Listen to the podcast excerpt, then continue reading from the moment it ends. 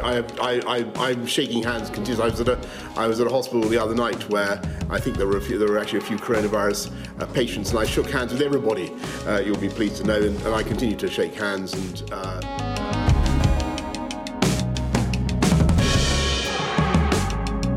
Hi, folks, I want to bring you up to speed with something that's happening today, which is that I've developed mild symptoms of the coronavirus, that's to say, a temperature and a persistent cough. And on the advice of the chief medical officer, I've taken a test that has come out positive. So I am. Dit laat toch wel zien hoe we eigenlijk allemaal dit virus hebben onderschat. Als je de beste man uh, Johnson zo hoort. Uh, toch jammer dat uh, ja, uitgerekend hij dan het virus pakt. Hij had mhm. toch beter moeten weten, zou je dan denken. Hij zou iets beter geïnformeerd moeten zijn dan jij en ik of uh, Jan en Alleman. Ja, en het zou ook wel heel erg onhandig zijn als hij nu drie weken op bed moet liggen. Nou, dat moet hij dus. Nou, in ieder geval moet hij thuis blijven. Hij, kan dus niet uh, één op één met zijn ministers even in overleg. Dus ik ben, uh, ja, dat is lastig voor hem. Um, ja. Maar dus ook wel een beetje eigen schuld als je het zo hoort, hoe hij dat aanpakt begin maart. Met dat handje schudden en zo, ja. Ja, ja, ja, ja. ja, we hadden het net even over ja, wat voor update is er nou in Milaan of in, in Nederland. En de conclusie is dat het leven nu gewoon zo is. Een paar weken terug was ik nog helemaal verbijsterd en verbaasd over hoe er lange rijen voor de supermarkt stonden, hoe de straten leeg waren, de, de winkels gesloten. Ehm, maar inmiddels is dat bij mij in ieder geval gewoon the way of life. Zo is het nu en dat is ook niet meer niet meer spannend. Het is, uh, het is ook niet meer uh, bijzonder om te zien uh, als je weer politieauto's, andere auto's aan de kant ziet, ziet zetten. Mm -hmm. het, is gewoon, het begint een beetje een trieste samenleving te worden zo. En ja. langzaam maar zeker merk ik ook dat je toch simpele dingen wel begint te missen. Even naar buiten gaan. Ja, gewoon een blokje omlopen. Ik durf het niet meer. De boetes hier mm -hmm. zijn verhoogd ik kan enkele honderden of, of, duizenden euro's boete pakken zelfs als ik, ja, als ik gewoon mijn blokje omga. Ik moet trouwens, ze hebben gisteren weer een nieuw uh, formulier uh, geüpload, de, de Italiaanse overheid. En daarin moet ik aangeven sowieso waar ik woon, maar ook waar ik naartoe ga. Dus mhm. iedere keer als ik buiten kom, dan, uh, ja, dan moet ik aangeven gewoon het adres van de supermarkt of de supermarkt in Via Padova, weet ik het. Mhm. Dus ik kan ook niet een blokje omlopen, want dan, als ze me dan in mijn kraag vatten, dan weten ze waar is mijn huis, waar is de supermarkt, wat doe jij hier 500 meter verderop. Uh, wat kun je eigenlijk zeggen over de cijfers nu van Italië? Uh, ja, die leken eigenlijk heel even goed te gaan. Die leken, of ja, goed te gaan, die leken een beetje af te, af te zwakken. Mm Maar toen kwam daar gisteren, en dan hebben we het over 26 maart. Mm -hmm toen kwam daar toch weer een forse verhoging bij. Uh, ja, en over een uur of tussen twee, drie, uh, zullen de nieuwe Italiaanse cijfers van 27 maart uh, online komen. Dus dat is nog even afwachten. Maar ja, het is lastig hoor. Het is lastig om, om zelfs al een beetje hoopgevend zijn is, is, is lastig. Ik durf het Oké, maar de, de, de exponent is er wel een beetje uit. Dus de exponentiële groei die is wel een het is niet meer zo lijp als een week geleden. Zeg nee, nee, nee, nee, dat klopt. Ja, die, ja dat, is, uh, dat is waar. Oké, okay, daar moeten we ons dan maar aan, uh, aan optrekken.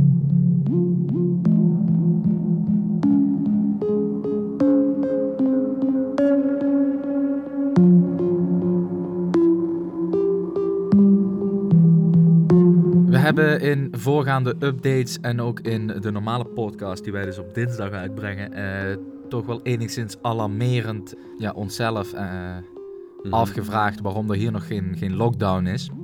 Ja. Um, in Italië is die lockdown echt heel heftig. Hè? Dus mm industrie ligt stil. Die, die gaan een, een belachelijk diepe crisis tegemoet als dit niet binnen nu en afzienbare tijd uh, wordt opgelost. En zelfs als dit uh, heel snel uh, wordt opgelost, laten we zeggen een maand of twee, mm -hmm. dan mhm. hebben ze alsnog een, een ongekend economisch probleem. Ja. Uh, daar stevenen wij volgens het ministerie van Economische Zaken in Nederland ook wel uh, op af. In het uh, gunstigste scenario hebben we anderhalf procent krimp. Nou, zou je kunnen zeggen, ja, anderhalf, anderhalf procent. Wat, wat, is dat nou? Als ik 100 euro heb, dan heb ik volgend jaar nog maar 98,5 euro. Eh, nou, als die verdeling zo zou zijn, dan zou dat inderdaad niet zo heel veel uitmaken. Maar ik denk dat mensen zich echt wel heel erg verkijken op, eh, nogmaals, in het beste scenario, anderhalf procent krimp. Hè. Krimp überhaupt is al iets Ja. wat zelden of nooit voorkomt. Ja, ja, maar Max, de economie, de economie, die kan wel even wachten. Hoor je Ja, dan, dus hè, niet. vaak? Nee? Ja, ja dat, is, dat is een beetje wat je hoort, ja. Maar waarom niet? Eh, nou, ik hoorde dat ook al in een andere podcast. En ik weet eventjes niet, maar volgens mij BNR. Daar waren ze ook een beetje aan het babbelen over dat, dat begrip economie. Hè. Dus nu heb je een gezondheidscrisis. Dus die, die economie die lijkt daardoor wat minder belangrijk. Mhm. Maar een economie kan natuurlijk niet wachten. Hè. Want een economie, is, een economie is geen abstract begrip. Dat zijn wij gewoon allemaal. Ja. Dat zijn eh 1 miljoen ZZP'ers in Nederland die nu met, eh, zoals wij dat in Limburg noemen, stress in de kop, eh, thuis zitten. En niet zo goed weten wat er, eh, wat er op hun af gaat komen financieel. Hè. Dus met alle eh, stress en eh, psychologische klachten van dien. Mhm. Dat gaat over ons allemaal, snap je? We hebben allemaal een baan, we geven allemaal geld. Het gaat over het MKB, het gaat over... ja. iedereen wordt hier gewoon keihard geraakt. Nou ja, en, want we, we, we willen natuurlijk graag afgeven op de grote multinationals. KLM, die dus misschien nu gered gaat worden door de overheid. Maar Mhm. Dat, dat is misschien te snel door de bocht om die meteen maar onderuit te schoppen. Want KLM zorgt voor 20.000 banen. 20.000 huishoudens zijn afhankelijk van KLM. Eh stewardessen, monteurs, piloten, eh, alles. Mhm. Ehm, dat is wel pittig hoor, als je die, eh, als je die op straat zet.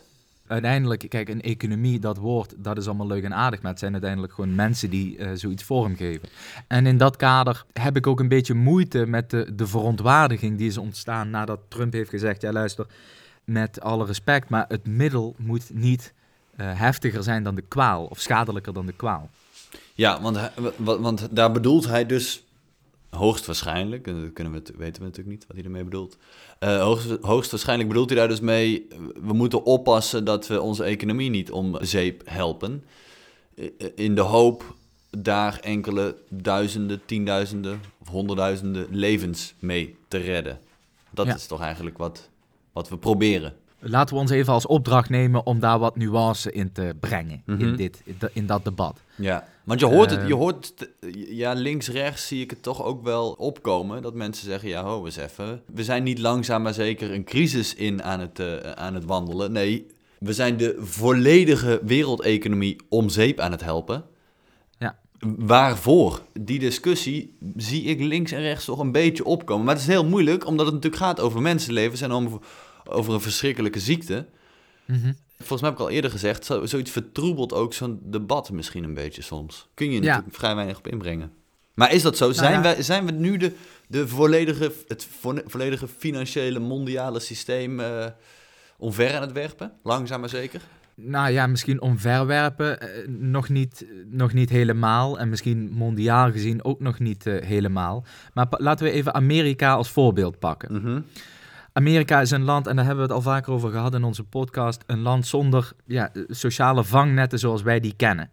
Ja. En je hebt die grafiek van die eh, werkloosheidsaanvragen, of wat was dat? Ja. Eh, eh, ja, jobless was claims. Ja, dus, Ja. ja.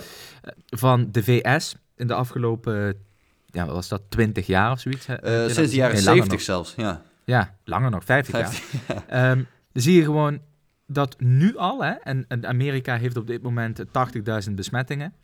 Eh, iets meer trouwens. Ze zijn eh, China voorbij wat dat betreft. Ja. Ehm, hebben, ze, hebben 3,3 miljoen Amerikanen al ehm, ja de, aangegeven ja. werkloos te zijn. Nou, en niet in totaal. Dat ging alleen over de, de week die eindigde op, eh, wat is het, 22 maart. Dus vorige ja, week. precies. Dus in, dit in dit eh, nauwe tijdframe eh, een week tijd, waarin hè? die, ja, waarin die crisis dus eh, ontstaat.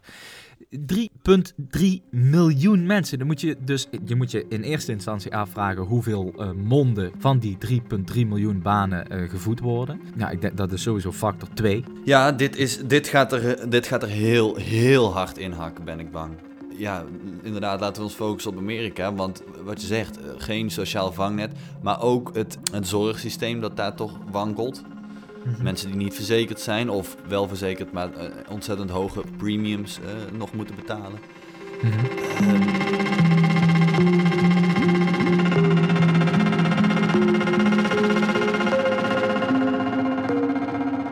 Je ziet ook dat het een beetje ontbreekt aan een, aan een nationale keiharde aanpak. Ja. Ehm, Amerikanen zijn natuurlijk zijn ook al bekend dat ze toch wel eh, vrij individualistisch zijn. Of in ieder geval ehm, ja, vrijgevochten Ja, indi- volk tegenover... Ja, individualistisch. ja, eh, die laten zich niet zomaar eh, door, de, door de overheid de les lezen. Ja. Ehm, want ja, je hebt gewoon de God-given right to do this and to do that. Dus als de overheid zegt geen bijeenkomsten meer, dan zijn er, ik heb al, ik heb genoeg churches gezien die zeggen, jongens, ja, die overheid kan zeggen wat je wil, wat hij wil, maar we hebben gewoon het recht op eh, eh, eh, ja, freedom of religion, vrijheid van religie. Eh, dus kom gewoon naar de kerk. En dan zie je dat mensen daar in sommige gevallen gewoon gehoor aan geven. Ja, dat is natuurlijk in het geval van een pandemie Mhm. niet, ja, niet de beste aanpak. Nee, niet verstandig. Maar het punt is, kijk, Italië heeft zijn hele economie op slot gegooid. Dat kan Amerika simpelweg niet doen. Die kunnen niet dicht. Die hebben helemaal niet het vangnet om dat eh, op te vangen. Afgezien natuurlijk van liquide middelen, van geld. Die kunnen wat geld opnieuw eh, rondpompen eh, in die economie. Maar daar blijft het dan ook bij. Dan moet er natuurlijk wel. Kijk, je kan wel de hele tijd geld er tegenaan smijten. Maar als je, als je economie op slot zit, dan kan dat geld niet uitgegeven worden.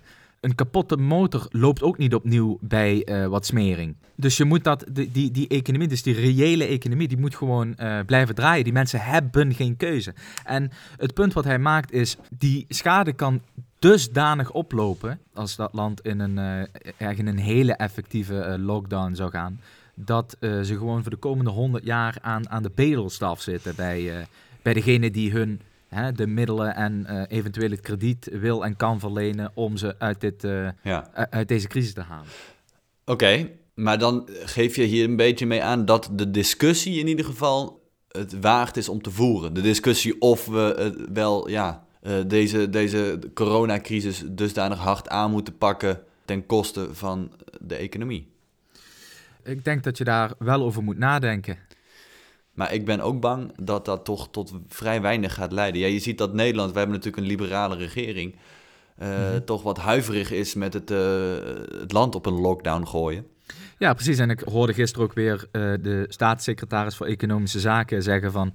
eh, dames en heren, jullie mogen allemaal nog naar de winkels. Dus doe dat dan ook alsjeblieft. Want anders wordt het midden- en kleinbedrijf zo hard geraakt... Dan, Ja. is de, dan is de ramp niet te overzien. Echt, Auke, dan is de ramp niet te overzien. Hè? Even als we...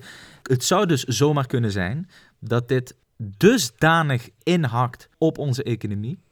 Mhm. Eh, ja, dat je gewoon een soort... Dan krijg je gewoon een situatie die hebben we waarschijnlijk nog nooit meegemaakt. Ja. ja, dan krijg je... Grote werkloosheid, enorme schuldenberg. Ja, noem het allemaal maar op. Een extreme nevenschade, collateral damage. Ja. ja, en dan gaan we over in een oorlogseconomie, heb ik eh, al gehoord.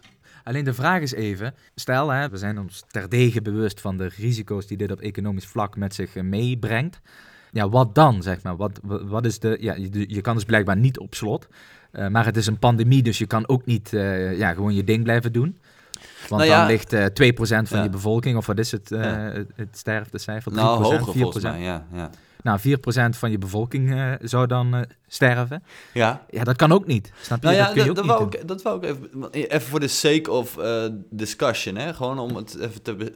Stel dat het gewoon een simulatie is en we hebben het even niet over echte mensenlevens en opa's en oma's en soms ook jonge kinderen.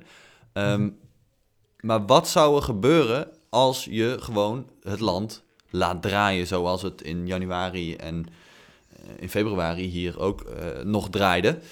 Mhm. Eh, je gooit alles open, je doet alsof er niks aan de hand is. En ja, en wat je zegt, vier, misschien zelfs vijf, misschien zelfs zes procent van de bevolking, die legt het loodje.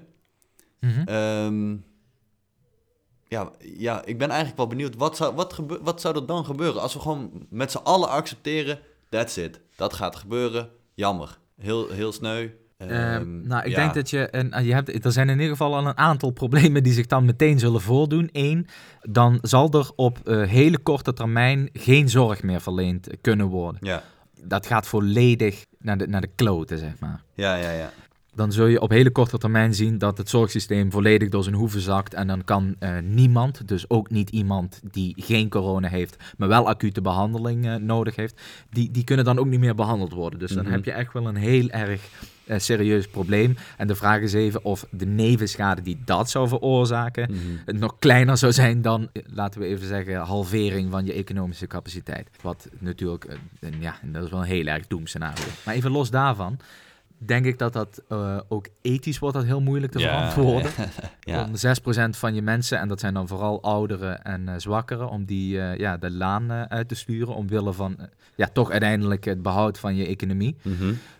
Maar ja, er moet nu in een soort keuzeschaarste gehandeld eh, worden. Mhm. En ergens zullen offers gebracht moeten worden. ja. Zowel economische offers, die worden dus nu ook met, met, met- bij de bosjes worden die gebracht. Maar ik, ja, daar zit een kans in dat als we dit niet eh, binnen in korte termijn eh, onder controle krijgen, dat, dat er dan ook eh, ja, ethische offers Mhm. gebracht moeten worden. Dit klinkt allemaal niet rooskleurig. Het klinkt eigenlijk alsof ieder scenario toch wel... ehm, ja, dat we daar toch wel fucked zijn. Ja, nogmaals, en dan heb ik het even over Amerika. Hè? Ja. Want Ja, ja. in Europa hebben we dat wel gewoon in ieder geval in de meeste landen redelijk goed georganiseerd. We zijn ook niet super goed voorbereid op een pandemie. Maar ja goed, ik denk dat we ons misschien in Europa wat makkelijker redden zonder al te diepe Krassen. Littekens. Ja, littekens.